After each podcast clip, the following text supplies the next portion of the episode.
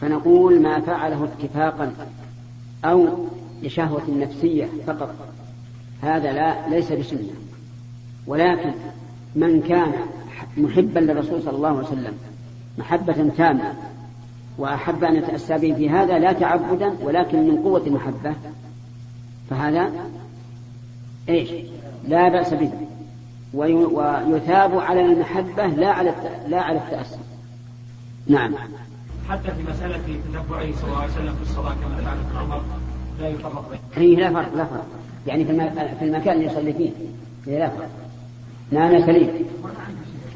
أن يظهر من فعل ابن عمر رضي الله عنه وارضاه عن إنه ليس غضي غضي عليه أنه أنه أنه ما فعل انهم الصحابة صلى الله عليه وسلم رضي الله عنهم وارضاه ما ما ما حرصوا على ما حرص عليه.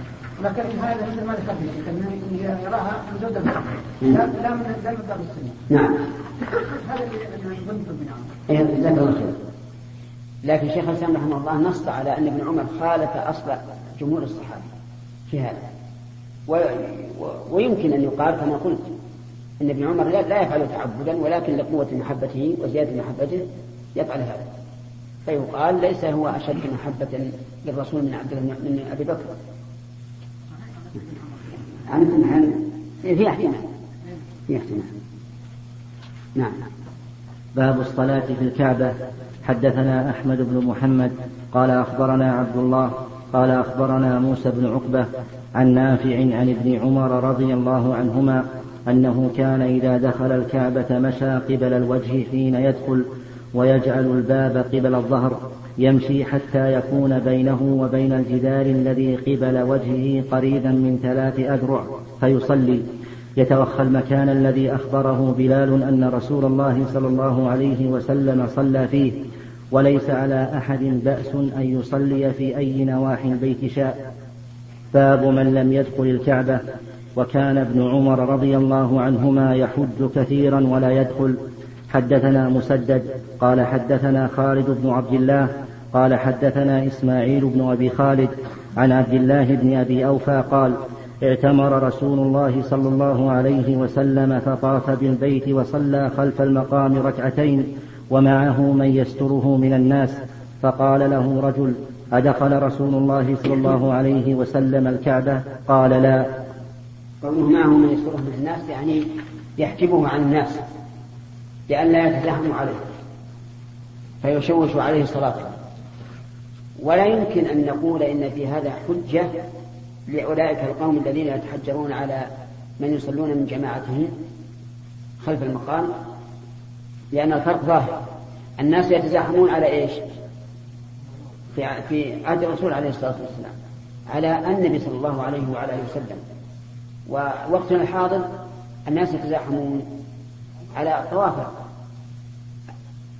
يعني المطاف مملوء فلا يحل لأحد أن يعوق الناس ويبقى حجرا على على صاحبه.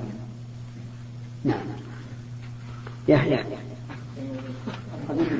الذي قبل هذا قوله وليس على أحد بأس أن يصلي أي نواحي البيت هذا كلام ابن عمر نافع. هذا كلام نافع نعم هل يسمى الإنسان يتقصد الصلاة داخل الكعبة؟ حجة الآن كيف؟ هل يسن للإنسان أن يتقصد أن يصلي داخل الكعبة؟ نعم نعم هذا من السنة ما لم يكن الحياة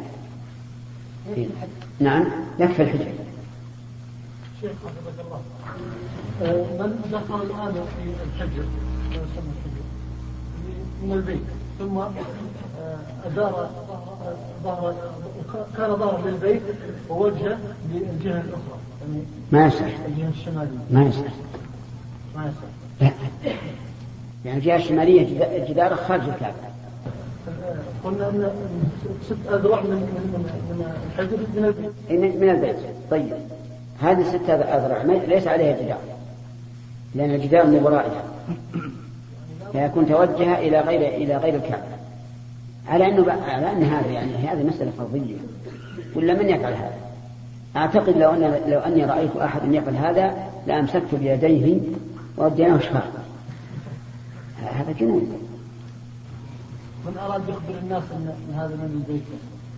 من الناس الآن تعتقد أن الكعبة هي المبنية. ما يخالف ما يخالف. ما ما يضر. اعتقاد أن الكعبة هي النبيه ولا كون يتجه لغاية الجهه الثانية. باب من كبر في نواحي الكعبة.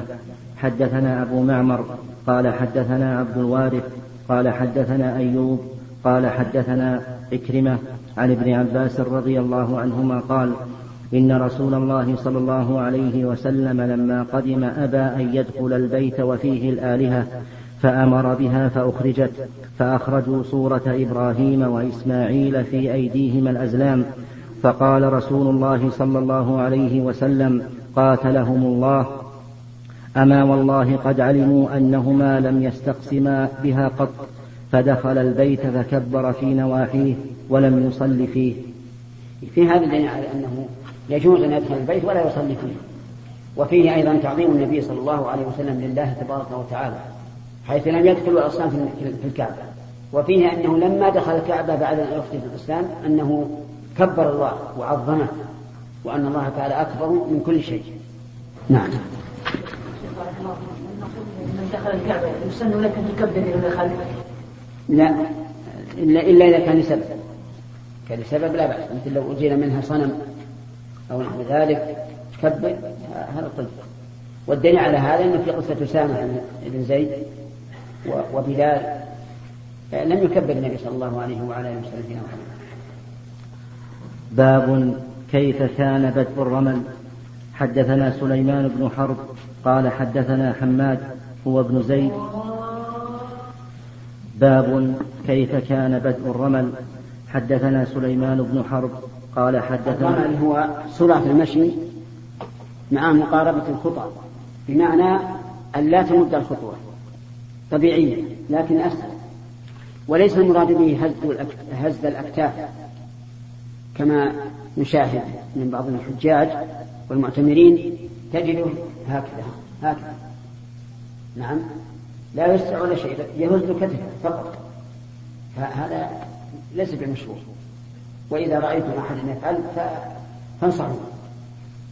حدثنا سليمان بن حرب قال حدثنا حماد هو ابن زيد عن أيوب عن سعيد بن جبير عن ابن عباس رضي الله عنهما قال قدم رسول الله صلى الله عليه وسلم وأصحابه فقال المشركون إنه يقدم عليكم وقد وهنهم حمى يثرب فأمرهم النبي صلى الله عليه وسلم أن يرملوا الأشواط الثلاثة وأن يمشوا بين الركنين ولم يمنعه أن يأمرهم أن يرملوا الأشواط كلها إلا الإبقاء عليهم إلا الإبقاء عليهم. هذا ابتداء الأمر.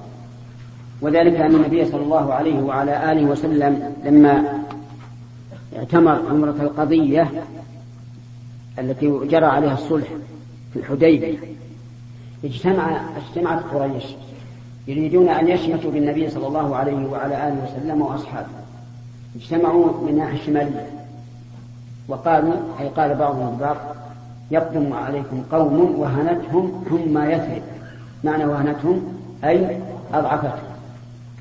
لأن المدينة شرفها الله اشتهرت بالحمى حتى دعا النبي صلى الله عليه وعلى آله وسلم ربه أن ينقل حماها إلى الجنة فأمرهم النبي صلى الله عليه وعلى آله وسلم أن يرموا الأسواق الثلاثة إلا ما بين الركن اليماني والحجر الأسود. فإنهم يمشون عادي مشيا عاديا لأنهم في هذه الناحية لا يشاهد لا تشاهدهم قريش. والمقصود من الرمل في تلك السنة هو إغاظة المشركين. هذا هو هذا هو السبب. فإذا قال قائل إذا زال هذا السبب فهل تزول مشروعية الرمل؟ فالجواب لا. لأن النبي صلى الله عليه وعلى آله وسلم في حجة الوداع يا محمود. لأن النبي صلى الله عليه وعلى آله وسلم في حجة الوداع أمرهم أن يرملوا كل الأشواط حتى ما بين الركنين. وهذا الأخير يعني رمل ما بين الركنين هو الذي زال سببه لأن حكمه في الأول أن يمشى فيه مشيا معتادا من أجل أن قريشا لا يشاهدون. فزال السبب زال هذا السبب فصار فأمروا أن يكملوا الأشواط الثلاثة كلها من الركن إلى الركن. فصار هذه المسألة مركبة من شيئين. شيء بقي وهو الرمل وشيء آخر نسخ وهو مشي ما بين الركنين. السبب لأن مشي ما بين الركنين قد زال إيش؟ قد زال سببه. أما مشروعية الرمل في الأشواط كلها فسببه لم يزل حقيقة لم يزل. لأن هذا يذكر المسلمين بالقوة وأن يروا عدوهم وأن يروا عدوهم أنهم أقوياء. لولا هذا الرمل ما ذكرنا قصة الرمل في في عمة القضية ولا خطر على الباب. فحقيقة الأمر أن السبب باق وهو أن يتذكر الإنسان أن يتذكر المسلمون إيه؟ القوة والجلد والشجاعة. نعم يا سمير. إيش؟ نعم. اي بيجينا بيجينا لا تعجل نعم. خيرا. آه، ركعتان الطواف هل هي مقصودة بذاتها أو أنه يجزي عنها غيرها؟ أو إيش؟ يجزي عنها غيرها. الظاهر المقصود لذاتها يعني فلو مثلا فلو انتهى من طوافه وأقيمت الصلاة صلى الفريضة ثم صلى ركعتين. نعم؟ لا. لا صلاة مستقلة. ظل الله إليك. لو هناك زحام في المطار هل يعني يقارب الخطى ويرمل في مكانه مثلا؟ هل يرمل؟ شلون يرمل؟ ما يمكن يرمل وهو زحام لا هو في مكان مكان شلون مكان؟ إنه هو يمشي يعني مثلا. الرمل سرعة المشي. في مكان يا شيخ يعني مثلا ما يسرع. يعني معناها إنك يبعد علشان يرمل لا لا هو في مكانه قد يكون في اوقف اوقف ورد قلت قد يأتي. أمرتك أن تقوم تورينا أن يبنى في مكان. يعني مثلا الشيخ لو هو امامه مثلا شيء بسيط ولكن لو رمل القدر اللي امامه يمشي عالي فهو يرمي مكانه مثلا. صار يحنك. نعم. يحنك هذا نسميه الحنك عندنا ما يصلح. لابد من السرعة.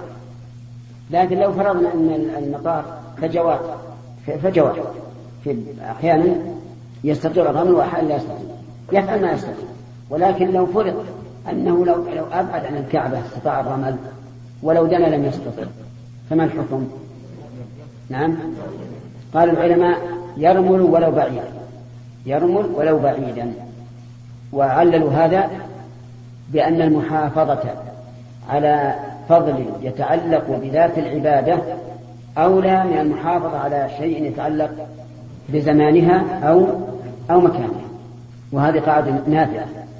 يدل لها أن الإنسان لو دخل وقت الصلاة وهو في حاجة إلى بول أو غائب فهل الأفضل أن يصلي الصلاة في أول وقت لأنه أفضل أو أن يذهب ويقضي حاجته ثم يقبل على صلاته؟ الثاني فهنا محافظة على على ذات العبادة أولى من المحافظة على زمنها على مكانها. مثلا إنسان دخل الوقت وهو في مكان كله موشح كله نقوش. لو صلى لالتهى بهذه النقوش ولكنه إذا خرج من هذا المكان وجد مكانا ليس فيه ما يلهيه. أيهما أولى؟ أن يصلي في المكان الذي فيه ما يلهيه أو أن يخرج؟ أن يخرج. نعم.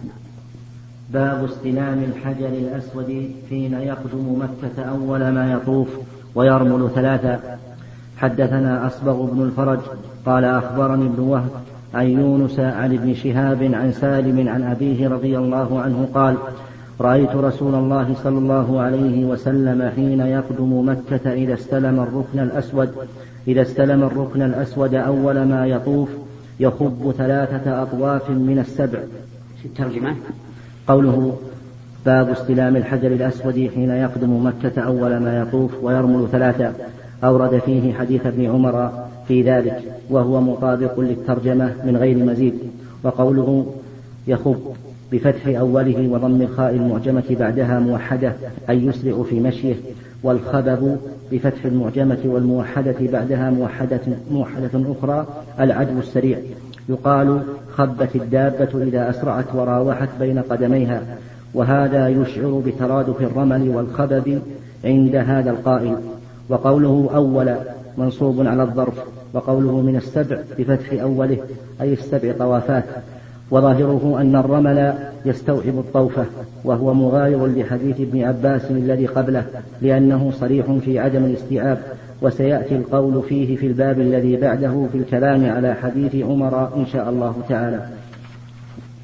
ظاهر كلام البخاري رحمه الله أنه أول أول ما يطوف يعني أول هل المراد أول طواف يطوف يطوفه أو أول ما يبتدئ الطواف؟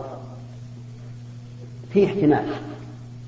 وعلى الاحتمال الثاني يكون استلام الحجر في أول شهر ولا يكرره. لكن الظاهر خلاف ذلك. وأن وأن معنى قوله رحمه الله حين يقوم مكة أول ما أول ما يطوف يعني أول طواف يطوفه. فيكون الاستلام في في كل الأشهر وفي قوله أول ما يطوف دليل على أن الاستلام في أول الشهر. وبناء على ذلك إذا انتهى من السبعة فإنه لا يستلم ولا يشرك ولا يكبر لأنه انتهى الشهر. والاستلام والتكبير والتقبيل في أول الشوط نعم. باب الرمل في الحج والعمرة. حدثني محمد قال حدثنا سريج بن النعمان قال حدثنا فليح عن نافع عن ابن عمر رضي الله عنهما قال سعى النبي صلى الله عليه وسلم ثلاثة أشواط ومشى أربعة في الحج والعمرة. تابعه الليث قال حدثني كثير كثير بن فرقد عن نافع عن ابن عمر رضي الله عنهما عن النبي صلى الله عليه وسلم. حدثنا سعيد بن أبي مريم قال أخبرنا محمد بن جعفر قال أخبرني زيد بن أسلم عن أبيه أن عمر بن الخطاب رضي الله عنه قال للركن أما والله إني لاعلم أنك حجر لا تضر ولا تنفع ولولا أني رأيت النبي صلى الله عليه وسلم استلمك ما استلمتك فاستلمه ثم قال ما لنا وللرمل إنما كنا رأينا به المشركين وقد أهلكهم الله ثم قال شيء صنعه النبي صلى الله عليه وسلم فلا نحب أن نتركه. حدثنا مسدد قال حدثنا يحيى. عمر رضي الله عنه لا يقال إنه متناقض بل هو جواب عن سؤال قد يرد على النفوس وهو أن الرمل لمراعاة المشركين ومراغمتهم وقد زال هذا فأراد أن يبين رحمه الله أننا نتمسك بالسنة وإن زال السبب الأول حيث فعله النبي صلى الله عليه وعلى آله وسلم بعد ذلك في حجة الوداع. وفي هذا دليل على أن اتباع النص مقدم على القياس وعلى العلة لأن النص هو المعتمد. حدثنا مسدد قال حدثني يحيى عن عبيد الله عن نافع عن ابن عمر رضي الله عنهما قال ما تركت استلام هذين الركنين في شدة ولا رخاء منذ رأيت النبي صلى الله عليه وسلم يستلمهما. قلت لنافع أكان ابن عمر يمشي بين الركنين؟ قال إنما كان يمشي ليكون أيسر لاستلامه. لأنه مع الزحام وهو مصمم على أن يستلم لا يمكن أن يرضى. وفعل ابن عمر رضي الله عنهما اجتهاد منه. وإلا فإن الصواب اتباع السنة في هذا وهو أن النبي صلى الله عليه وعلى آله وسلم كان إذا لم يتمكن لم يتمكن من استلامه باليسر يستلمه بمحجن ويقبل المحجن. فإن لم فإن لم يمكن أشار إليه. الصواب خلاف رأي ابن عمر في هذه المسألة أي في المزاحمة على استلام الحجر. نعم. باب استلام الركن بالمحجن. حدثنا أحمد بن صالح ويحيى بن سليمان قال حدثنا ابن وهب قال أخبرني يونس عن ابن شهاب عن عبيد الله بن عبد الله عن ابن عباس رضي الله عنهما قال طاف النبي صلى الله عليه وسلم في حجة الوداع على بعير يستلم الركن بمحجن. تابعه الدراوردي عن ابن أخي الزهري عن عمه. يحمل هذا على أن النبي صلى الله عليه وسلم شق عليه أن يطوف ماشيا أو أنه أراد أن يري الناس كيف يطوفون. وهذه المسألة اختلف فيها العلماء. هل يجوز الطواف راكبا لغير عذر أو لا يجوز؟ فمنهم من أجاز واستدل بهذا الحديث. ومنهم من منعه وقال الأصل أن الإنسان يفعل النسك بنفسه وهو إذا كان على البعير لا يتحرك. الذي يتحرك ويمشي هو البعير. ولننظر إلى الشرح. في هذه المسألة ها؟ الركوب. الركوب نعم. ما تكلم عن مسألة الركوب. ها؟ كيف؟ خمسة عشر باب. طيب. عد خمسة عشر باب. باب طواف القائم. في باب المريض يطوف راكبا. قوله قال الحافظ بن حجر رحمه الله تعالى في باب المريض يطوف راكبا. أورد فيه حديث ابن عباس. وحديث أم سلمة. نقرأ حديث الشيخ عن ابن عباس رضي الله عنهما أن رسول الله صلى الله عليه وسلم طاف بالبيت وهو على بعير. كلما أتى على الركن أشار إليه بشيء في يده وكبر. حديث أم سلمة. قالت شكوت إلى رسول الله صلى الله عليه وسلم أني أشتكي. فقال طوفي من وراء الناس وأنت راكبة. فطفت ورسول الله صلى الله عليه وسلم يصلي إلى جنب البيت وهو يقرأ بالطور وكتاب مسطور. هذا في فجر يوم الرابع يوم الرجوع إلى المدينة. نعم. يقول أورد فيه حديث ابن عباس وحديث أم سلمة والثاني ظاهر فيما ترجم له بقولها فيه إني أشتكي وقد تقدم الكلام عليهما في باب إدخال البعير في المسجد للعلة في أواخر أبواب المساجد وأن المصنف حمل سبب طوافه صلى الله عليه وسلم راكبا على أنه كان عن شكوى وأشار بذلك إلى ما أخرجه أبو داود من حديث ابن عباس أيضا بلفظ قدم النبي صلى الله عليه وسلم مكة وهو يشتكي فطاف على راحلته. ووقع في حديث جابر عند مسلم أن النبي صلى الله عليه وسلم طاف راكبا ليراه الناس وليسألوه فيحتمل أن يكون فعل ذلك للأمرين وحينئذ لا دلالة فيه على جواز الطواف راكبا لغير عذر. وكلام الفقهاء يقتضي الجواز إلا أن المشي أولى. والركوب مكروه تنزيها والذي يترجح المنع لأن طوافه صلى الله عليه وسلم وكذا أم سلمة كان قبل أن يحوط المسجد. ووقع في حديث قبل إيش؟ أن يحوط. نعم. ووقع في حديث أم سلمة توفي من وراء الناس وهذا يقتضي منع الطواف في المطاف. وإذا حوط المسجد امتنع داخله. إذ لا يؤمن التلويث فلا يجوز بعد التحويط. بخلاف ما قبله فإنه كان لا يحرم التلويث كما في السعي. وعلى هذا فلا فرق في الركوب إذا سار بين البعير والفرس والحمار. وأما طواف النبي صلى الله عليه وسلم راكبا فللحاج قوله حمار خطأ خطأ عظيم. الفرس نعم لأن روثه وبوله طاهر والحمار نجس. ولا يؤمر أبدا أن أن أن يروث أو يبول فجمع الحمار مع الفرس والبعير غلط. نعم. وأما طواف النبي صلى الله عليه وسلم راكبا فللحاجة إلى أخذ المناسك عنه ولذلك عده بعض من جمع خصائصه فيها. واحتمل أيضا أن تكون راحلته عصمت من التلويث حينئذ كرامة له عصمت من التلويث. عصمت. شاهد احتمال بعيد. نعم. عصمت من التلويث حينئذ كرامة له فلا يقاس غيره عليه. وأبعد وأبعد من استدل به على طهارة بول البعير وبعده. وقد تقدم حديث ابن عباس قبل أبواب. وزاد أبو داود في آخر حديثه فلما قوله أبعد هذا بناء على مذهب الشافعي رحمه الله أن البول والروث من الحيوان نجس وهو ضعيف بلا شك. لأن النبي صلى الله عليه وعلى آله وسلم أمر العرانيين أن يشربوا من أبوال الإبل وألبانها ولم يأمرهم بالتخلي عنها عن البول. فالصواب أن بول وروث كل ما يؤكل لحمه طاهر. هذه القاعدة. ما لا يؤكل لحمه فبوله نجس إلا ما يشق التحرز منه. مثل لا ولا الفار لكن مثل الذباب. الذبابة لها لها بول. أليس كذلك؟ نعم ولا لا؟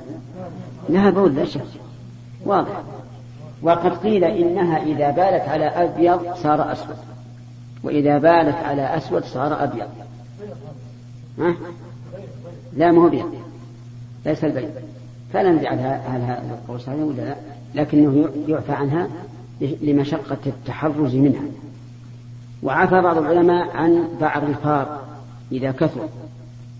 وقال إن أن التحرز منه شاق وبعض الفار نجس في الأصل لأن الفار نجس لا, لا يؤكل. لكن أحيانا ولا سيما فيما سبق لما كانت البيوت مفتوحة تجد الفار يكون له جعر على الكتب وتلوث الكتب. لكن الحمد لله الآن خف لأن البيوت صارت محصنة. المهم الذي يظهر لي أنه لا يجوز الركوب في الطواف سواء على بعير أو على الأكتاف أو في العربيات إلا إذا كان هناك حاجة.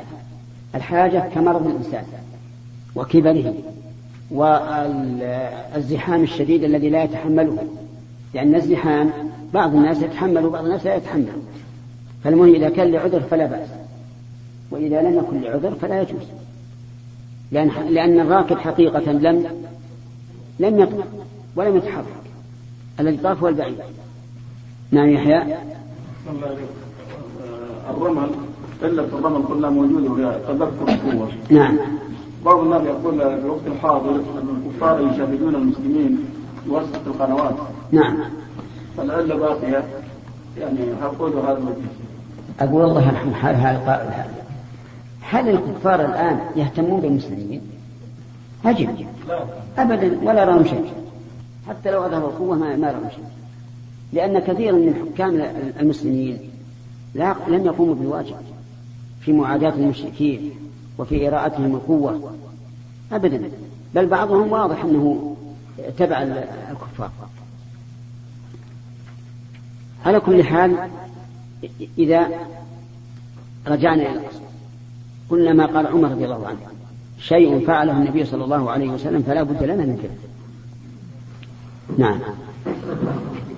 معلوم بأن النبي صلى الله عليه وسلم ما أمر بأن يكون البيت على اليسار. نعم. وأحيانا يكون الإنسان في طوافه إما لكون النساء معه أو يكون شايل يعني أحد في العربية مركز هذا الذي يحملون فيه الكبار. فيلتفت ويجعل البيت على يمينه. المسألة ليست فيها فلماذا يقال في بطلان طواف هذا؟ يقال ببطلانه لأن هذا هو الذي جرى عليه المسلمين وهو فعل مجمع عليه ولا خالف فيه أحد. فلا بد من هذا. لكن هل مثلا لو أن الإنسان انحرف قليلا لإصلاح شيء أو مثلا للالتفات إلى صاحبه هل نقول إن هذا الشوق يلغى؟ أو نقول لا يلغى لأن لأن الانحراف بسيط والزمن قليل والحاجة قد تدعو إلى ذلك. أحيانا مع الزحام ما تستطيع أن أن تتجه اتجاها تاما. فهذه أرجو أن لا يكون فيها بأس. إذا كان قليلا يعني انحراف قليلا والزمن قليل أرجو أن لا يكون فيه بأس. نعم. أن يجعلها خلف ظهرها أو, أو أمام وجهه أو عن يمينه. نعم. وراء. حكم من طاف وهو حامل شخص. هل يجزي الطواف عن اثنين؟ ها؟ من طاف وهو حامل شخصا هل يجزي الطواف لا يجزي عن اثنين إلا إذا كان المحمول مميزا. يقال له إن الطواف فينوي. أما إذا كان غير مميز لا يمكن أن يكون طواف واحدا على نيتين. جمعة. ما كان يرمل عادة. قدم محدود وما سيره إنه يعني يقارب الخطا ويربس آه يسير بسرعة. آه ينوي في في في طواف في في بعض في الثلاثه أنه يرمل وفي الباقي انه هذا عادته أم يجزي طالما هو يرمل عادة. فهمت السؤال؟ هذا السؤال معقد يا جماعة. واضح ما كل أنت الجمعه ما, ما تضع واضح؟ طيب. لأن لأن ما ما نوى الاولات ما نوى ما ادري عنهم يمكن ولا لا هذا معناه؟ يعني لكونه محتوجبا يسرع بغير اختيار بغير اختيار. هذا ينوي في, الأشواط الثلاثة ينوي إنه يرمي. مثل الاحدب إذا جاء الركوع ينوي إنه راكع. إذا ما ما, ما يكون العشر إنما الأعمال بالنيات. يكون هذا على العادة. نعم. الحيوانات التي لا تؤكل لا تؤكل لحمها. نعم. ويصعب التحرز منها. نعم. هل بولها وروثها نجس؟ آه، يعتبر غير نجس يعني مطلقا لا لا. لا لا لا. الكلب وحتى الهر الهر بوله وروث نجس مع أن الرسول صلى الله عليه وسلم قال إنها طاهرة. إنها من الطوافين عليها البول والروث من كل ما ما لا يؤكل هذا نجس. هذا هو الأصل. لكن إذا كان يسيرا لا ش... إذا كان يسيرا يشق التحرز منه هذا محل, محل الخلاف فبعضهم عفى عن هذا وقال إن هذا أمر لا يمكن التحرز منه. نعم. لهذا العوام هنا بالبيت ما يعرف يدخل البيت ما يعرف إيش؟ ما يعرف ما يعرف يدخل بدعاء الوالده نعم. شخص يأخذ كتاب ويقرأ على هؤلاء يؤمنون هل يجوز هذا الشيء؟ وهو ما يدري شيء معناه لا بس العوام اللي ما هو ما يعرف شيء. لا ما يجوز لابد يعلمهم المعنى. يبدأ يدعو اللهم كذا وكذا اتفهم المعنى؟ يقول العام قال لا وش معناه؟ قال معناه كذا وكذا. مشتق من كذا. عرفت؟ أو ما فهمت؟ صعب. المهم هذا يدعو بما لا يدري الحجاج أتصرف من ال- العجم اللي يجون برا. إيه. ما يفهم المعنى. هذا هو البلاء ولذلك نقول لو أن الحجاج وجهوا إلى أن يقال لهم مثلا عند ابتداء الطواف. الآن ابتداء الطواف. وقل ما شئت ما تريد. بلغتك أنت أو باللغة العربية. أي ما تريد. لكن أحسن وأمتع لكن يأخذ الكتاب ويقرأ كأنما يقرأ قرآنا يتعبد بتلاوته فقط. عرفت؟ علم ربك إن شاء الله. نعم. انتهى الوقت. شيخ بعض ضبط الرمل لأنه ما يقول يعني أن يكون يجري والجري ضابط الجري أن يكون إحدى الرجلين في الأرض. أنا الرمل يشترط أن يكون الجبنان في الأرض. كيف يا شيخ؟ ما تزور لا لو كان يجري ممكن يعني أثناء جريه يكون واحدة من هنا حتى لو يمشي مشي مشي, مشي مكان لا يمكن نقل القدم إلى مكان آخر إلا بارتفاع الأرض ما يخالف ولا يكون هكذا؟ ما في. أبدا. الحين إن شاء الله تعالى بالشارع نشوف ولا وال... بالنسبة للحجاج لا شيء عليهم لأنهم جهال. لكن بالنسبة هذا الذي وضعه هذا أرى أنها لا تضيع أما المواضع التي لا, لا, لا تستلم فليطيبها ويكون ال... ال... الذي استلمها استلامه غير مشروع أصلا.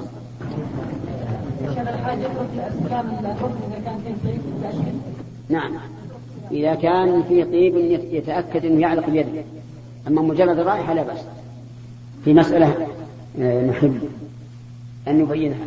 الطواف والسعي لا بد فيهما من نية. أليس كذلك؟ ولا أحد يطوف أو يسعى إلا بنية. كما قال بعض العلماء لو كلفنا الله عملا بلا نية لكان من تكليف ما لا يطاق. لكن تعيين الطواف والسعي هل يشترط؟ أن ينوي أنه يطوف للعمرة أو أنه يطوف للحج أو يسعى للعمرة أو يسعى للحج.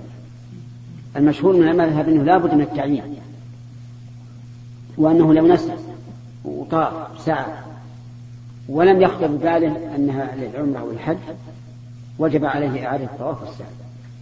يعني لابد أن يعين. وقال كثير من العلماء أو أكثر العلماء إنه لا يشترط التعيين. وقالوا إن الطواف والسعي بالنسبة للنسك عموما كالركوع والسجود في الصلاة. فكما أن الإنسان في الركوع والسجود لا يجدد نية خاصة فكذلك هذا جزء من النسك وهذا الحقيقة فيه سعة للناس القول الثاني.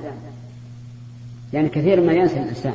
يجي نع- نعم دخل بنية الطواف لكن غفل عن كونه الحج أو عمرة. فعلى هذا القول. إذا نسي الإنسان أن يعين فإن طوافه صحيح وسعيه صحيح نعم. في حديث إنه يقدم عليكم قوم وأنتم هم يثرب فيه دليل على أن المشركين يحبون ضعف المسلمين وعدم قوتهم. وهذا أمر لا يحتاج إلى إقامة دليل كما أنهم يودون من أن من المسلمين أن يكفروا. ودوا لو تكفرون كما كفروا فتكونون سواء. ود كثير من أهل الكتاب لو يردونكم كفارا. نعم. لو يردونكم من بعد إيمانكم كفارا نعم. بسم الله الرحمن الرحيم. الحمد لله رب العالمين وصلى الله وسلم وبارك على عبده ورسوله نبينا محمد وعلى آله وأصحابه وأتباعه بإحسان إلى يوم الدين. أما بعد قال الإمام البخاري رحمه الله تعالى في صحيحه في كتاب الحج. سبق لنا أن الرسول صلى الله عليه وسلم كان يطوف على بعيره في حجة الوداع. أي الأطوفة؟ لا. القدوم ما طاف على بعيره طبع رمل ثلاثة ومشى أربعة الظاهر أنه في طواف الإفاضة. ظاهر أنه في طواف الإفاضة. لأن طواف الوداع صلى بهم النبي صلى الله عليه وسلم صلاة الفجر بعد الطواف. وظاهره أنه ليس أن الراحلة ليست معه. قال البخاري رحمه الله تعالى باب من لم يستلم إلا الركنين اليمانيين وقال محمد بن بكر أخبرنا أخبرنا ابن جريج قال أخبرني عمرو بن دينار عن أبي الشعتاء أنه قال ومن يتقي شيئا من البيت وكان معاوية يستلم الأركان فقال له ابن عباس رضي الله عنهما إنه لا يستلم هذان الركنان فقال ليس شيء من البيت مهجورا وكان ابن الزبير رضي الله عنهما يستلمهن كلهن. حدثنا أبو الوليد قال حدثنا ليث عن ابن شهاب عن سالم بن عبد الله عن أبيه رضي الله عنهما قال لم أرى النبي صلى الله عليه وسلم يستلم من البيت إلا الركنين اليمانيين. الحديث لم يتم سياقه في البخاري وذلك أن ابن عباس لما قال له معاوية رضي الله عنه ليس شيء من البيت مهجورا قال له عبد الله بن عباس لقد كان لكم في رسول الله أسوة حسنة وما رأيت النبي صلى الله عليه وسلم يستلم إلا الركنين اليمانيين. فرجع معاوية إلى قول ابن عباس. وسبق لنا أن الحكمة في أنهما لا يستلمان أنهما ليس على قواعد إبراهيم. والظاهر لي أن تقويس الحجر أخيرا كان أخيرا لأنه لو بقي زاويتين لاستلمهما الناس. فإذا كان هكذا مقوسا فلا شيء يستلم. ويكون هذا من باب الاحتراز عما لا ينبغي أن يفعل. وإن كان سيطول المطاف على الطائفين لكن لمصلحة. انتبه لهذا. فالظاهر لي والله أعلم أنهم اختاروا أن يكون مقوسا لئلا يكون له أركان فتستلم. نعم. باب تقبيل الحجر. حدثنا أحمد بن سنان قال حدثنا يزيد بن هارون قال أخبرنا ورقاء قال أخبرنا زيد بن أسلم عن أبيه قال رأيت عمر بن الخطاب رضي الله عنه قبل الحجر وقال لولا أني رأيت رسول الله صلى الله عليه وسلم قبلك ما قبلتك. حدثنا مسدد قال حدثنا حماد عن الزبير بن عربي قال سأل رجل ابن عمر رضي الله عنهما عن استلام الحجر فقال رأيت رسول الله صلى الله عليه وسلم يستلمه ويقبله. قال قلت أرأيت إن زحمت؟ أرأيت إن غلبت؟ قال اجعل أرأيت باليمن. رأيت رسول الله صلى الله عليه وسلم يستلمه ويقبله. أهل اليمن عندهم يعني إرادات وهذا نص صريح في أن النبي صلى الله عليه وسلم يستلم الحجر ويقبله والاستلام هو المسح باليد اليمنى والتقبيل معروف وضع الشفتين على الحجر. وقول القائل أرأيت كأن ابن عمر رضي الله عنه لشدة محبته للتمسك في السنة وبخه هذا التوبيخ. وقال له أرأيت اجعلها في اليمن. وأنت الآن في مكة. ما فيها أراضي كان الرسول صلى الله عليه وسلم يفعل هذا. فإن تيسر في الأمر وإن لم يتيسر فلا حرج. نعم. نعم. من يسر يده نعم. بارك الله فيك. التقليل لو تيسر في كل شوط. إيش؟ قل يا شيخ بارك الله فيك التقليل لو تيسر في كل شوط. اي نعم في كل شوط. إذا تيسر. مع الاستلام مع الاستلام نعم. شيخ حفظك الله هل يشرع للنساء التقويم خصوصا في الزحام؟ المرأة لا لا لا لا ينبغي أن تقرب أن تقرب من الحجر في أوقات النهار لأن ما يمكن تصل إلا بزحام شديد. ما نسلم الله عنك إذا حفظنا على على الحدود. بمكة والنساء على الشيء حدود حدود الحرم حدود الكعبة وحدود عرفة وحدود منى وحدود مزدلفة كيف يجي عندنا شك في حدود المياه؟ ولذا وضعها إبراهيم.